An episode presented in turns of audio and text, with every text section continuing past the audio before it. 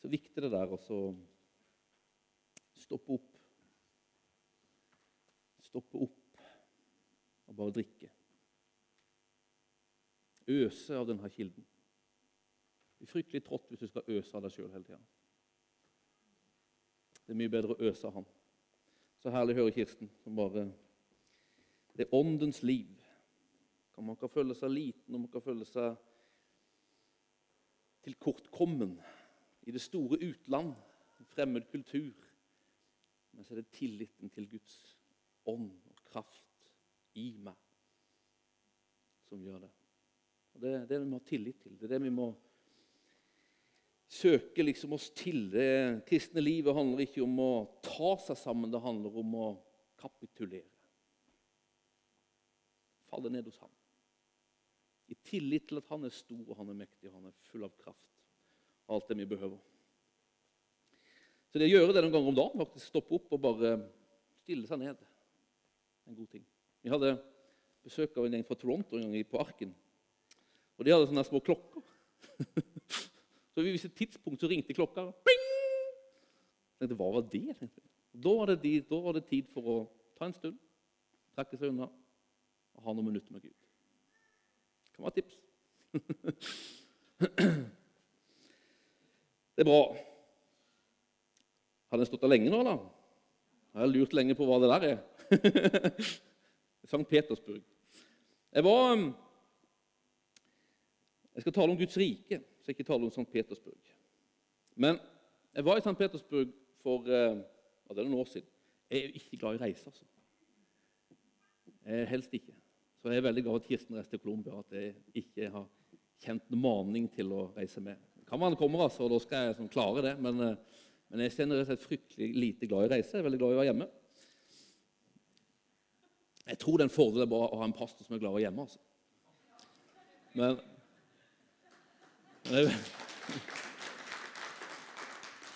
men jeg, jeg, en gang så var jeg på jeg var misjonstur til Russland, til eh, St. Petersburg. og Da bodde jeg i Stockholm. Vi kjørte bil derfra. Så eh, det var ganske, fra Stockholm ganske kort vei.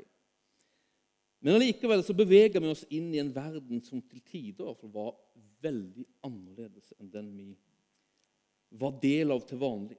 Og Jeg husker spesielt så hadde, kom det noen og noe sterkt inntrykk fra et barnehjem der vi var på besøk. Når det bildene der ikke fra et barnehjem, det der er bildet fra gata i St. Petersburg. Du vet, Fasaden i St. Petersburg er jo fantastisk vakker. Og når vi var der, så hadde de sånn jubileum, så de hadde pynta den til de grader. All søppel var borte, og man så ingenting til det der. Det hadde de på en måte gjemt bort. Men så hadde vi noen kontakter som, gjorde at vi fikk kontakt med likevel. Og Vi var på et barnehjem i St. Petersburg. og jeg har hørt historier fra liksom, Øst-Europa, og sånn barn blir plassert bort og, og, på en måte overlatt helt til seg sjøl.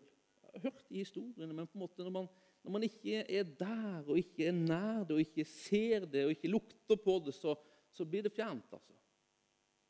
Nå kom jeg der, og så sto jeg husker jeg så inn, Vi fikk jo ikke lov til å gå inn til det barnet. Det lå liksom i, på et rom. Vi fikk lov til å se inn. og Der lå, der lå det et lite, lite barn i senga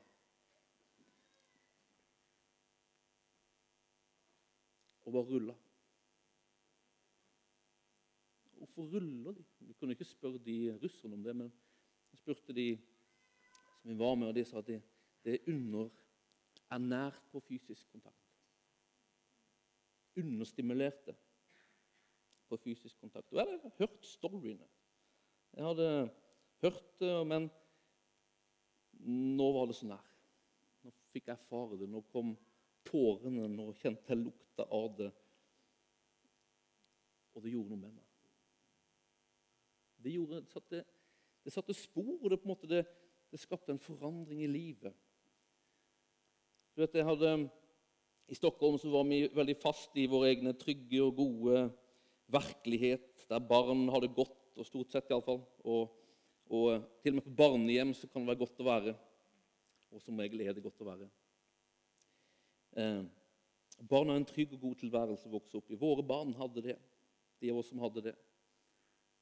Men etter den naturen, når jeg hadde kommet nær det og fått se det, så lovte jeg meg sjøl at jeg aldri mer skulle se på den virkeligheten jeg levde i, som en, som en selvfølge igjen. Um, men at jeg ønska å la den virkeligheten jeg kom i kontakt med i Russland, prege måten jeg forholdt meg til livet som jeg levde da i Stockholm. Altså Jeg hadde kommet i kontakt med en annen tilværelse, en annen verden som jeg ønska skulle prege meg i den verden jeg levde i til vanlig. Snakka lavt? Ja.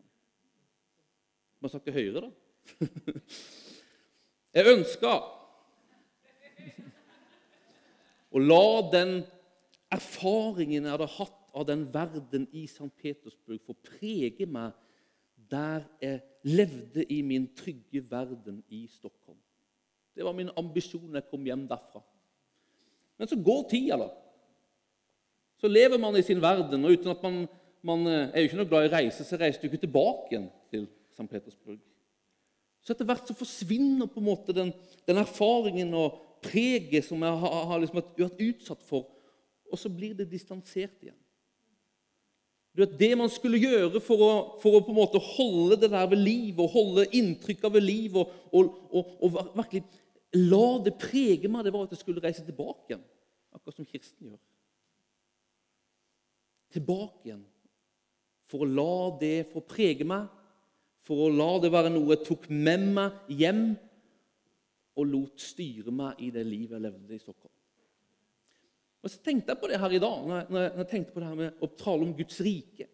Så er jo Guds rike det er jo et det er jo, vi, vi, vi som tror på Jesus Jeg pratet om det her sist gang. Vi er nye skapelser. Vi, er, vi er liksom har, har, fått Kristus boende i oss, og vi er plassert i Kristus. og det, altså, Der Kristus er, der er Guds rike. Guds rike bor i oss. Vi har blitt liksom medborgere innbyggere i Guds rike.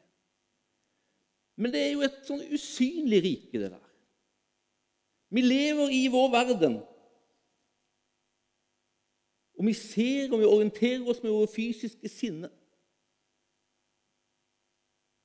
Og så lever vi med et annet rike inni oss. Vi lever med et annet rike nær oss. Så tenkte jeg på det.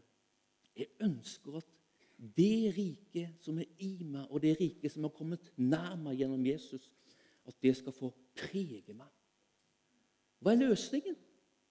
Jo, løsningen er egentlig den samme som om hvis jeg ville at Russland skulle prege meg, så måtte jeg gang etter gang tilbake til Russland. og løsningen for oss, for at vi skal bli preget av Guds rike, hva som gjelder der, hva som er mulig der, det er at vi gang etter gang besøker det. Hvordan besøker vi Guds rike? Gjennom Guds ord. Her er beskrivelsen av det. Her er liksom fasiten, sa sist, om hva som gjelder for oss som er en del av det riket. Når vi leser Guds, Guds ord, så kommer Den hellige ånd, og så gjør han det synlig for oss, virkelig for oss. Ja, Det er til og med sånn at det er nesten som at vi får se det her som er usynlig. At vi får liksom nesten til og med kjenne lukten av det. Så virkelig kan det her bli ved at Den hellige ånd hjelper oss når vi leser Bibelen. Det er løsningen for at Guds rike skal få prege oss, og ikke bare denne verden. For denne verden har én måte å tenke på, denne verden har én måte å handle på. Denne verden har si, et sett av muligheter Guds rike har noen helt andre.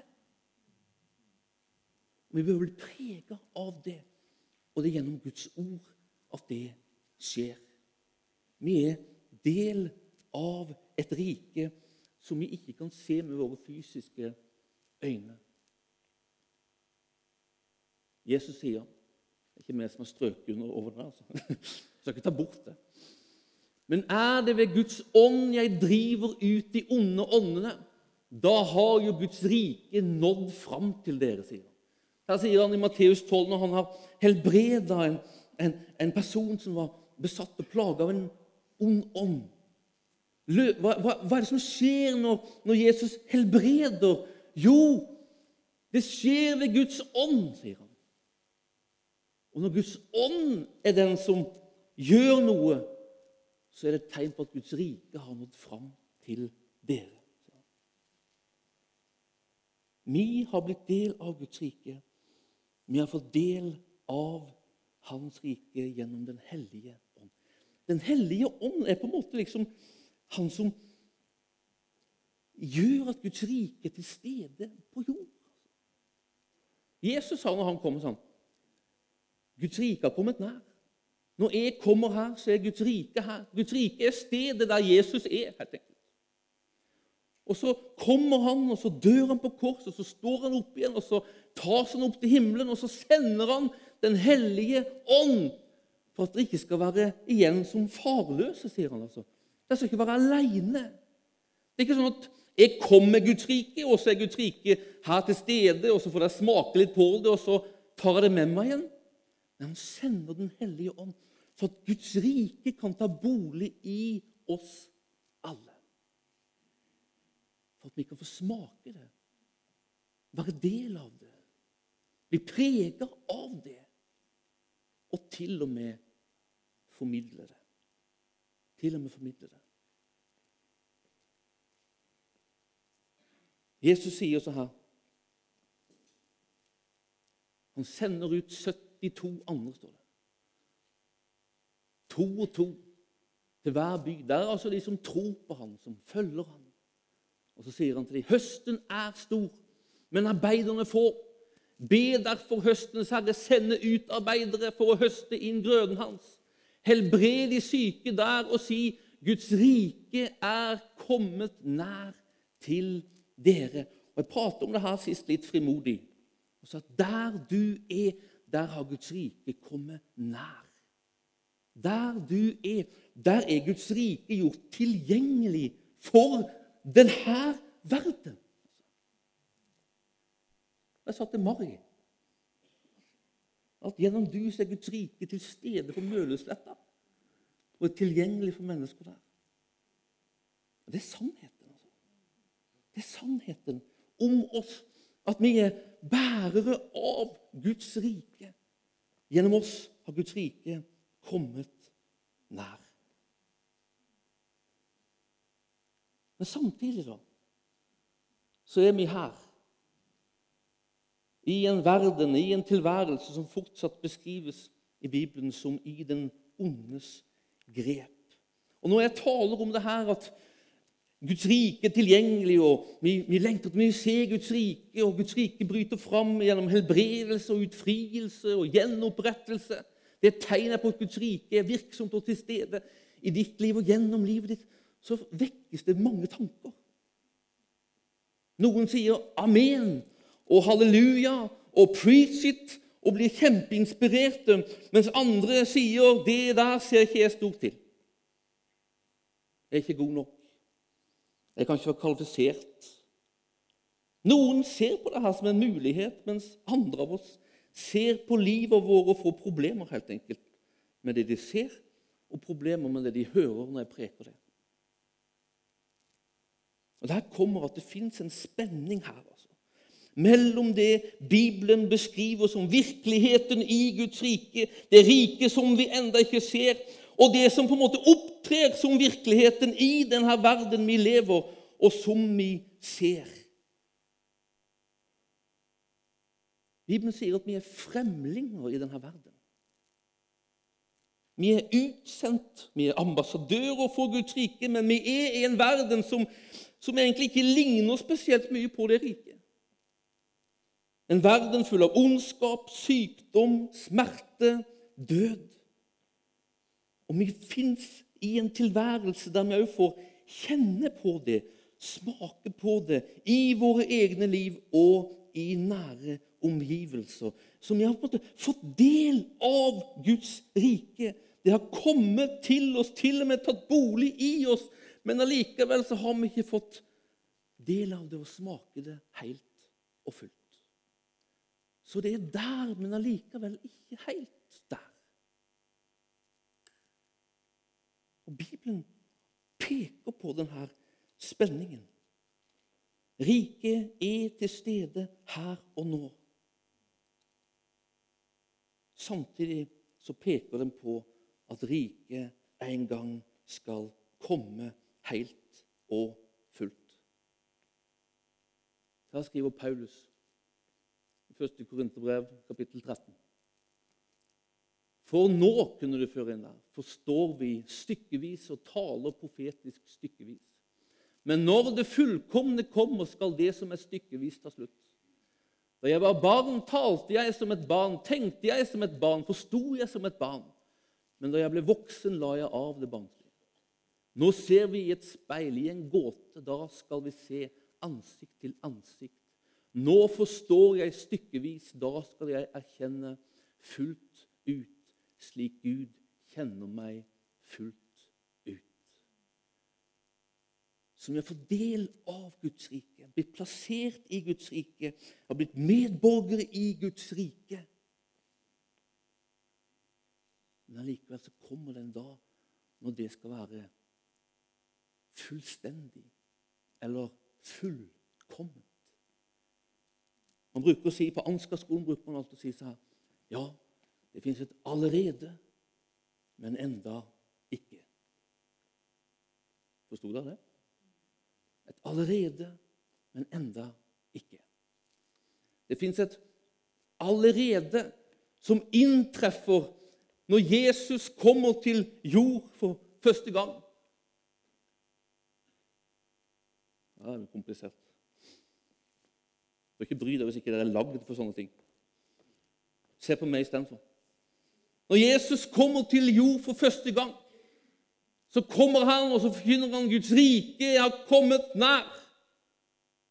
Der er, der er riket. Og så dør han på et kors, og så oppstår han igjen. Og så tas han til himmelen, og så utøser han Den hellige ånd, som fyller oss som tror. Og med ånden så får vi del av Guds rike. Paulus sier at Den hellige ånd er panten på arven. Det er forskuddet, forsmaket på Guds rike, altså på himmelen. På det fullkomne. Vi har fått panten boende i oss. Og når Gud gir et forskudd, så er det ikke et dårlig forskudd. Han er den som kommer for å gi liv, og liv i overflod. Så det her forskuddet Nå tenker man bare forskudd, det er bare en liten, liten dutt. Nei, det er ikke et liten dutt. Det er et ordentlig Guds rikes forskudd. Men allikevel så tales det om i evangeliene om at han skal komme tilbake enda en gang. Og da skal han komme fullkomment. Da skal han komme i herlighet. Da skal han komme i sin strålglans. Og da skal han bringe oss inn i fullendelsen av det riket som vi allerede har blitt del av og fått i oss og har å øse ut av. Det fins et allerede. Et allerede her borte hos Lasse. Allerede. Men enda ikke. Og det er her at det fins et enda ikke det kaller Bibelen for vårt håp. Det er vårt håp. Når Jesus prater om det her, så sier han når dere ser tegna på hans komme, eller på mitt komme, så skal jeg løfte blikket. For forløsningen er nær. Forløsningen er nær. Så vet dere hva? Vi fins og lever i vår tid i en slags spenning midt imellom. Noe som allerede er her, men som enda ikke har kommet helt og fullt. Og det er her vi lever. Og det er her vi lever. Og hvordan lever vi her? Hvordan lever vi her? Jeg tror her så behøver det finnes plass til to ting i våre liv som kristne. For Det første så må det finnes plass til, det er våre liv. våre liv. Det at Guds rike allerede har kommet, det er en sannhet. Det er noe vi har fått del av alle mann. Riket i oss. Det riket der ikke det fins sykdom, død, fangenskap og begrensning. Det bor i oss. Samtidig så lever vi i denne spenningen der vi er bærere av dette riket, men vi finner sin tilværelse der sykdom og død og forgjengelse og begrensning råder. I den konflikten, i den striden som det kan være å oppleve som, så bør det finnes plass til livet våre. Det betyr at løsningen for oss som kristne det er ikke fornektelse eller å på en måte blunde for det som på en måte fins i omgivelsene våre, eller kanskje fins i våre liv. Vi kanskje kjemper med sykdom, vi kjemper med smerter. Vi kjemper med på en måte det som er av destruktive krefter rundt oss. Løsningen er ikke å fornekte det.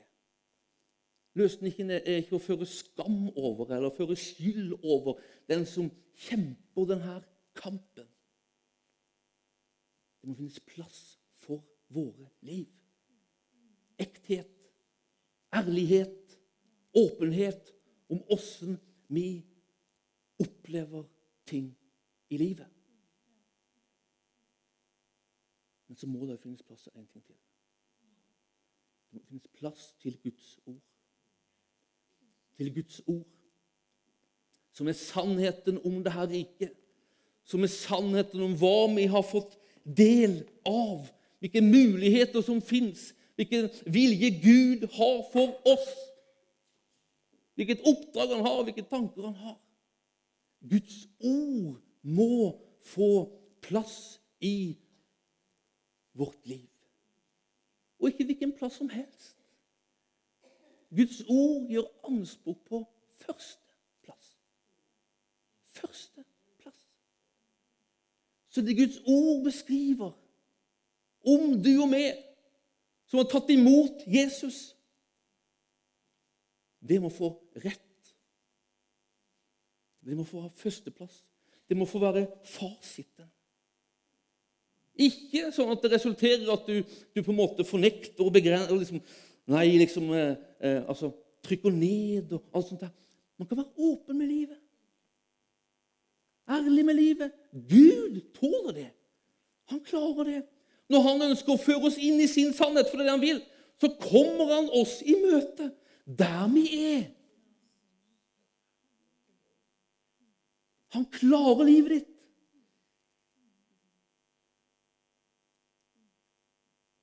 Men så ønsker han å føre deg fra på seg din virkelighet og inn i hans virkelighet. Han ønsker at hans virkelighet skal få prege livet vårt. Så han vil ta oss. Han stiller seg ikke på, sin, liksom på sitt ord og sier Skjerp deg, det du går og kjenner på. bare liksom, Det der er dårlig. Det der er liksom Du arme, dårlige, syndige menneske. Skjerp deg, kom hit. Han sier ikke det. Han sier kom til oss. Møter oss i sin kjærlighet, i sin nåde. Så kommer han med sin trøst, så kommer han med sin kjærlighet, og så kommer han. Og så vil han ta oss inn i hans virkelighet, inn i sannheten. Han kommer med nåde og sannhet. Min gamle pastor bruker å si 'nåde og sannhet'. Og det fins en rekkefølge på det. Nåden står alltid først. Jeg tror nåden kommer først. For i møte med Hans nåde så er ikke resultatet at vi får masse skyld, masse skam, masse mindreverdighetskompleks. I Hans nåde så fins det et kyss fra himmelen. Og så kommer han med sannheten og vil føre oss inn i sannheten og vil peke på sitt ord. Det her er hva jeg ønsker, det her er hva jeg vil, det her er hva jeg skal, skal virke i livet ditt.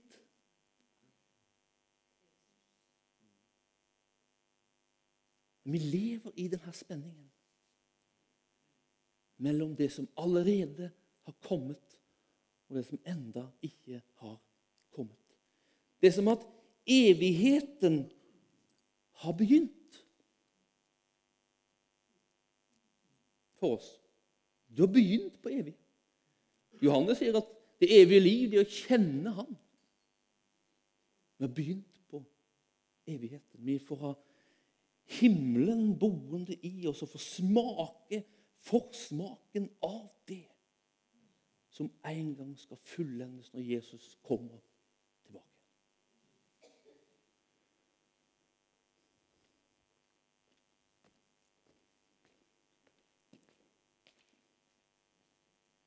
Så det kan oppleves som en spenning. Det oppleves som vi står midt imellom. og Her er en sånn en figur på hvordan på en måte vi forholder oss som syk.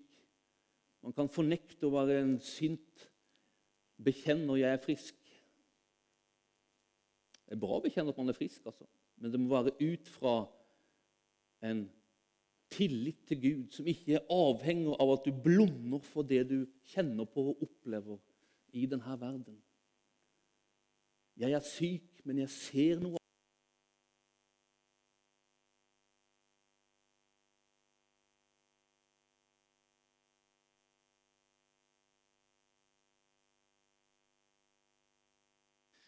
Vi må ha en åpenhet for livet våre, en plass for livet våre.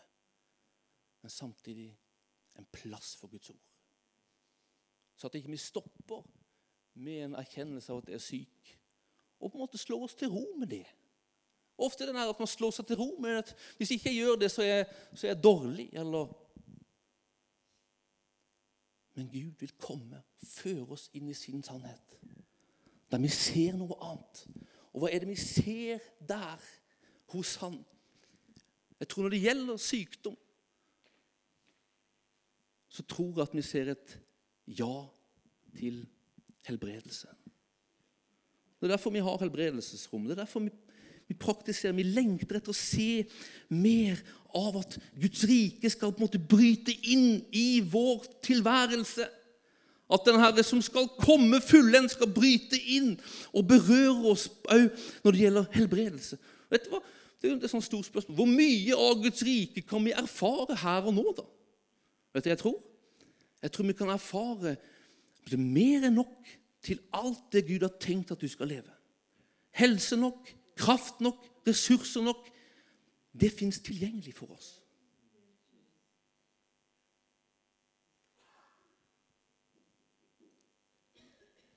Og Det fins et stort ja i Bibelen til helbredelse. og det her er jo en preken for seg sjøl.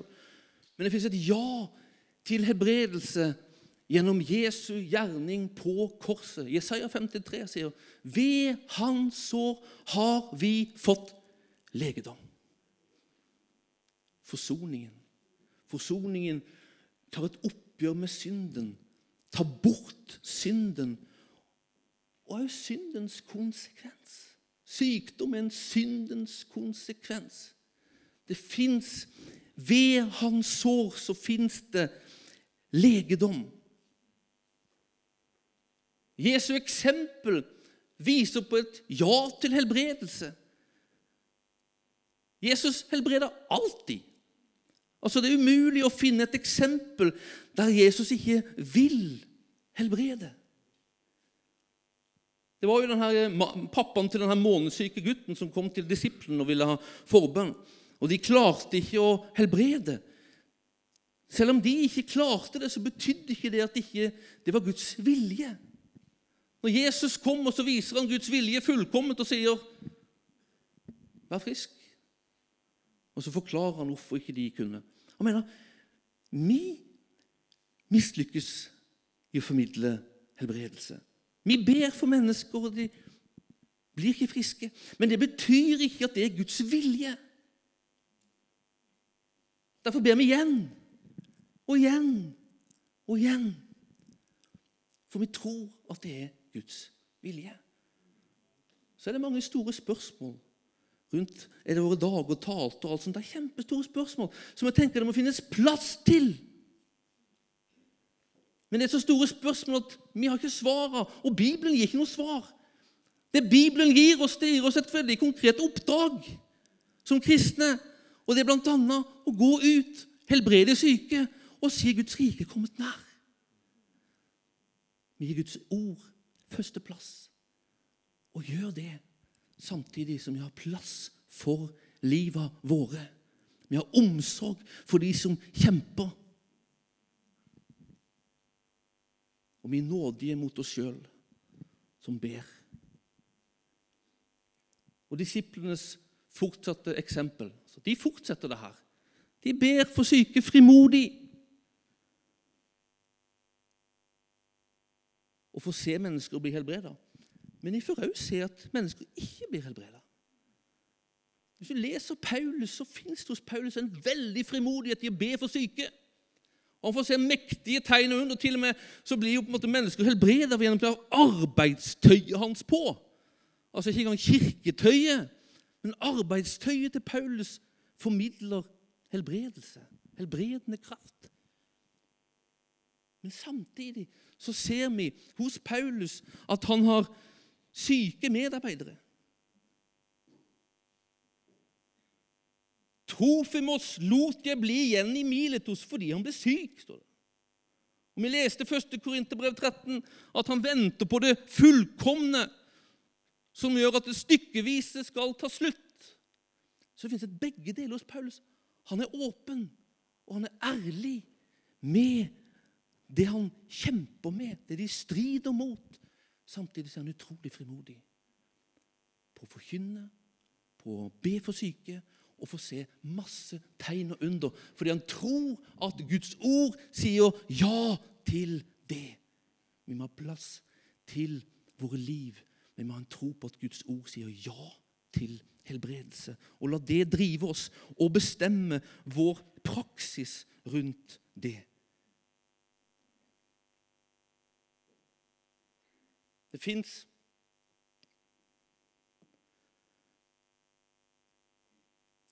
Det fins en eh, mann i Amerika som heter Chris Gore.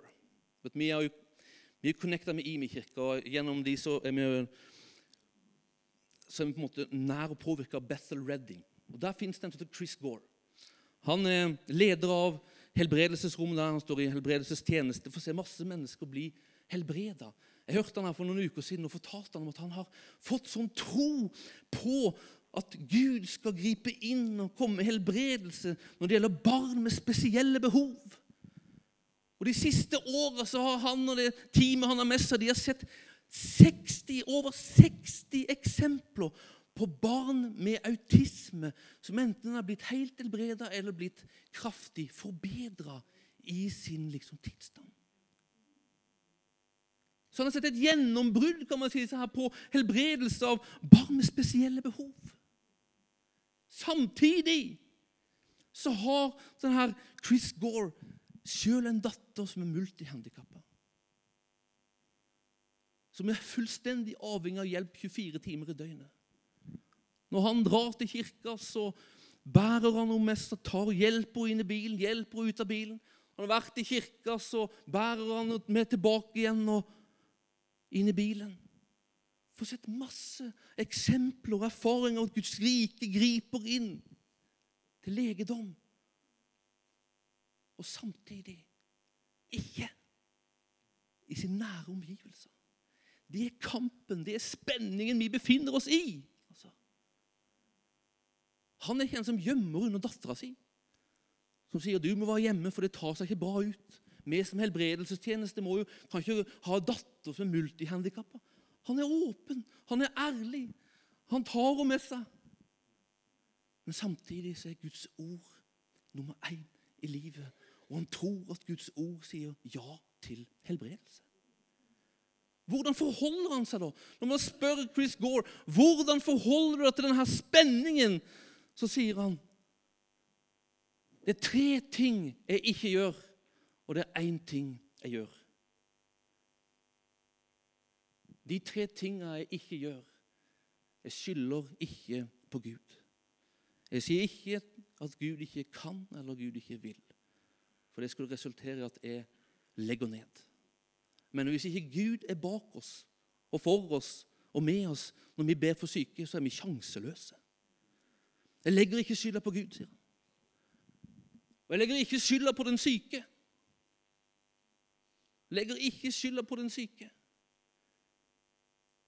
Sier ikke på en måte at Av og til så kan det være utilgivelse og sånne ting som, som begrenser muligheten for helbredelse, men han legger ikke skylda på den syke.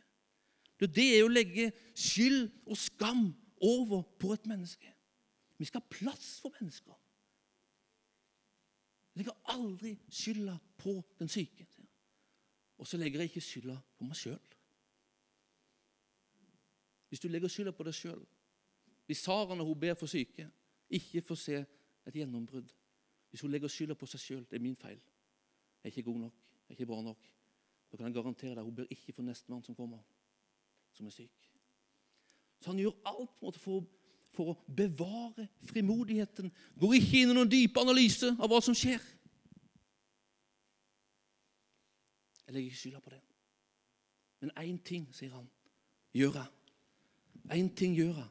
Og jeg kan garantere deg at han kjemper med spørsmål. Han kjemper med spørsmåla, men han velger å gjøre én ting. Og det er å fortsette å søke med iver etter å se Guds rike bryte fram. Med frelse, med legedom, med utfrielse og med gjenopprettelse i eget og andre menneskers liv. Han fortsetter å feste lit til ja fra Guds ord og feste lit til riket som har tatt bolig i han gjennom Den hellige ånd. Det er holdningen. Og jeg tror at det må være holdningen vår. De har plass til hverandre. Og kjempemye plass til hverandre. Guds ord er utrolig på raushet. Bær hverandres byrder. Det er ditt og mitt kall i forhold til mennesker som kjemper med sykdom. Men samtidig så har vi en tro på Guds ord. Hans ja til helbredelse. Hans ja til at riket skal utbre seg i våre liv og gjennom våre liv. Det er derfor han har satt oss her. Vi er ambassadører og sendebud for hans rike. Amen. Min tid er omme. Amen. Lovsanger kan komme på.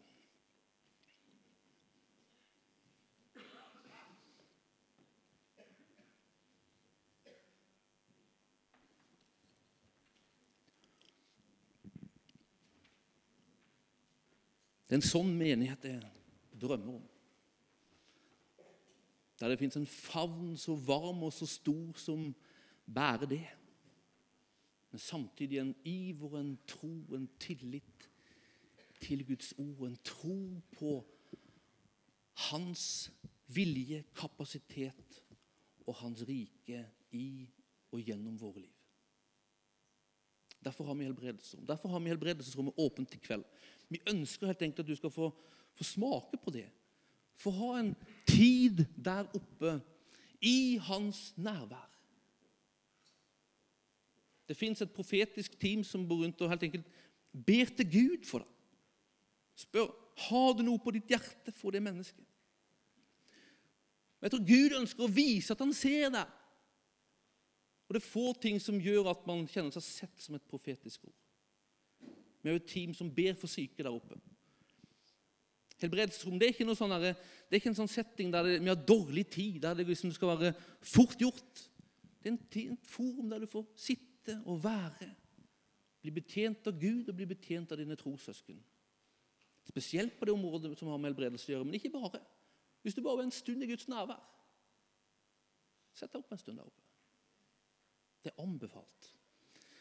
De har vært i bønn for dere. De var i bønn for dere før møtet i dag. Og da, da spør de bl.a.: Gud, er det noe som du ønsker å vise mennesker? Søke om, om kunnskapsord? Er det situasjoner eller sykdom og plager som du, som du på en måte vil si ifra om at 'jeg har sett du som har den plagen'? Og så opplever de at Gud kommer og gir dem sånne kunnskapsord. Og Kunnskapsordet som er kommet for kvelden i kveld, det er kyssesyka. Jeg bare leser sånn som de har skrevet det her nå. Bryte lenker av lenker av avhengighet. Problemer med hofteledd. Håpløshet ser et stort, svart hull. En som så et bilde av en tung kappe med hette som noen bar på. Dette tunge skal bli løfta av. Utmattelse. Noen som ikke tar opp næringsstoffer godt nok. Noen som kjenner på behovet for ny glede i livet. Lyst og Ja. Noen som kjemper med lyst og begjær, tror jeg det må være. Så en stor sekk med mursteiner i. Gi byrdene til Jesus. Så du ser, Det er ikke bare fysisk eh, sykdom og plager, men det gjelder òg andre situasjoner som, som, Gud setter lys på i dag. Gjelder det du? Ta en tur der oppe og la de betjene deg der oppe. Her nede så er vi i tilbedelse. Vil du ikke opp dit og ønske å forbund likevel, så er du velkommen til å komme fram. Vi er, jeg og Kristoffer er her. Og så er vi i tilbedelse. Kjenner du at du får ting, en hilsen eller et ord som du ønsker å dele med andre, så er du velkommen til å gjøre det. Bare kommer du fram her og pirker oss på skuldra, så skaper vi plass for det. Men eh, ta denne anbefalingen. Ta en tur opp der oppe. De holder på helt til klokka ni. Men liksom ta den turen opp før du går i kafeen. Så er du veldig velkommen opp der. Så leder dere oss, og så bare lar vi det gå her til, til det er ferdig.